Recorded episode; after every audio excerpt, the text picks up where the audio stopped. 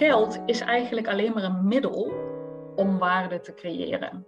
En op het moment dat je alleen naar het geld kijkt en niet naar de waarde die je creëert, dan mis je gewoon een heel groot deel van waar het om moet gaan. En ik blijf me erover verbazen dat een overheid eigenlijk zegt van uh, we zijn er voor onze burgers, maar dat ze eigenlijk niet kunnen goed kunnen laten zien wat ze dan toevoegen aan het leven van burgers. In deze aflevering praten we met Astrid Kaag. Astrid is ambtenaar bij de provincie Noord-Brabant. Zij pakt de positie van de overheid anders aan, door meer te focussen op samenwerking van publiek en privaat. Dit doet ze onder meer met het Brabant Outcomes Fund, het BOF. Hiermee introduceren ze een nieuwe manier van investeren die focust op het creëren van maatschappelijke waarde. Bij dit fonds werken overheid en privaat samen voor de lange termijn. Ook vertelt Astrid over de rol van de overheid en hoe je binnen de overheid verandering teweeg kunt brengen. Luister en leer in deze aflevering mee met het verhaal van Astrid. Hey Astrid, wat ontzettend fijn dat je ons mee wil helpen voor de, de podcast, maar ook voor de online training. Want je bent natuurlijk een ambtenaar die heel erg bezig is met nieuwe economie. Misschien is mhm. het wel goed voor mensen om een beetje te weten wat je doet als ambtenaar, want soms is het best wel een breed begrip. Mhm. Dus wat houdt het precies in? Ja, het is meteen een hele brede vraag. Hè? Ik ga even vertellen wat ik hiervoor heb gedaan, want dan, dan wordt het misschien wat logischer om te snappen wat ik nu doe. Dus ik heb biologie gestudeerd in Nijmegen en de richting ecologie. Wat dus natuurlijk heel erg gaat over systemen eigenlijk. Ik ben ook systeemcoach, dus dat systemisch kijken naar de wereld zit een soort van in mijn DNA, zeg maar. Ik ben eigenlijk heel erg per toeval bij de provincie uh, terechtgekomen, 15, 16 jaar geleden. Het was eigenlijk de bedoeling gewoon een klusje daar te doen, omdat een vriendin van mij daar werkte. En uh, de eerste keer dat ik daar uh, het gebouw binnenliep, dacht ik ook wel, dit is echt helemaal geen plek voor mij. Maar uiteindelijk ben ik daar toch blijven hangen.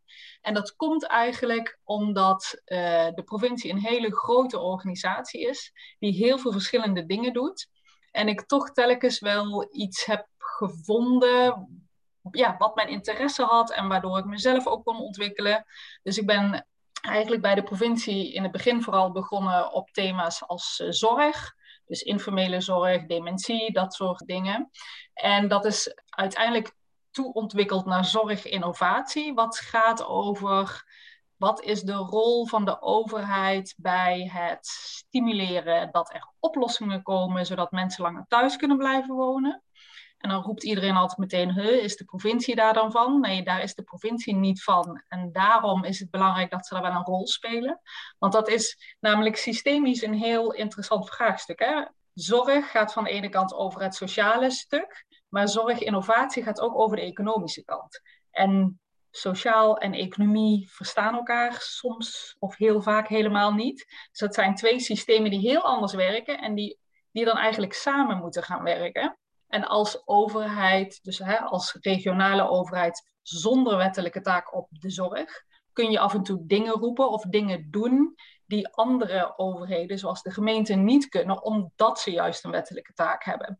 En daar is, is mijn werk eigenlijk een beetje begonnen richting steeds meer kijken naar wat is de rol van de overheid nu bij maatschappelijke vraagstukken, bij maatschappelijke transformatie, bij nou ja, werken aan een nieuwe economie. Alhoewel ik het ook een lastig woord vind, nieuwe economie. Hè? Want ik denk, ja, wat is nieuw en wat vandaag nieuw is, is morgen weer oud.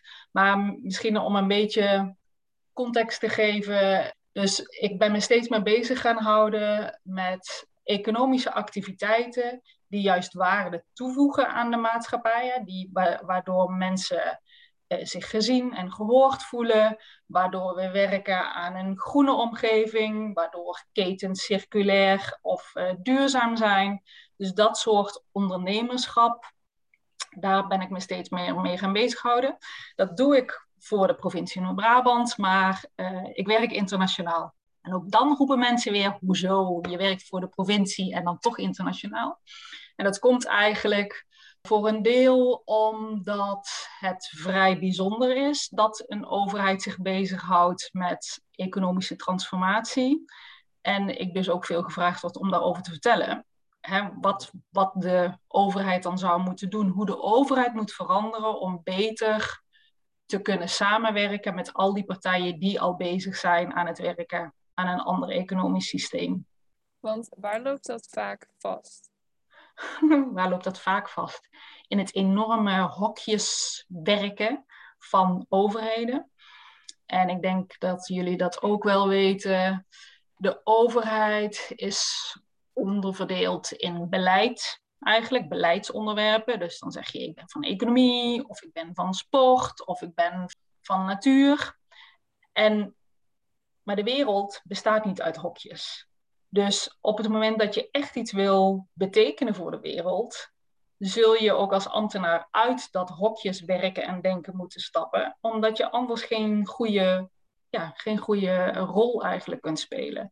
En het allergrootste probleem bij de overheid is eigenlijk dat vooral ook budgetten in die hokjes zitten. Dus kijk, je kunt dan als collega's wel denken van, goh, het is hartstikke goed als we samenwerken. Maar op het moment dat het geld in die hokjes blijft zitten, is dat, ja, is dat gewoon heel erg lastig. Dus dat is eigenlijk een van de grootste, van de grootste moeilijke dingen. Waar begin je als het zo hokjesdenken is? Waar begin je verandering? Bedankt voor het luisteren. Dit gesprek was onderdeel van de online training van One. Wil jij deze training ook volgen? Ga dan snel naar onze website en begin direct. Je kunt er op je eigen tempo doorheen lopen en leert over de verschillen tussen de huidige en nieuwe economie. Na deze training weet jij waar we het over hebben als we praten over nieuwe economie en de verschillende ideeën die daarbij horen. Verder geven we je verhalen van anderen mee die net als jij bezig zijn in de nieuwe economie. Ter inspiratie, maar ook om te laten zien dat je niet de enige bent die met deze verandering bezig is. Voor nu, bedankt voor het luisteren en tot de volgende keer.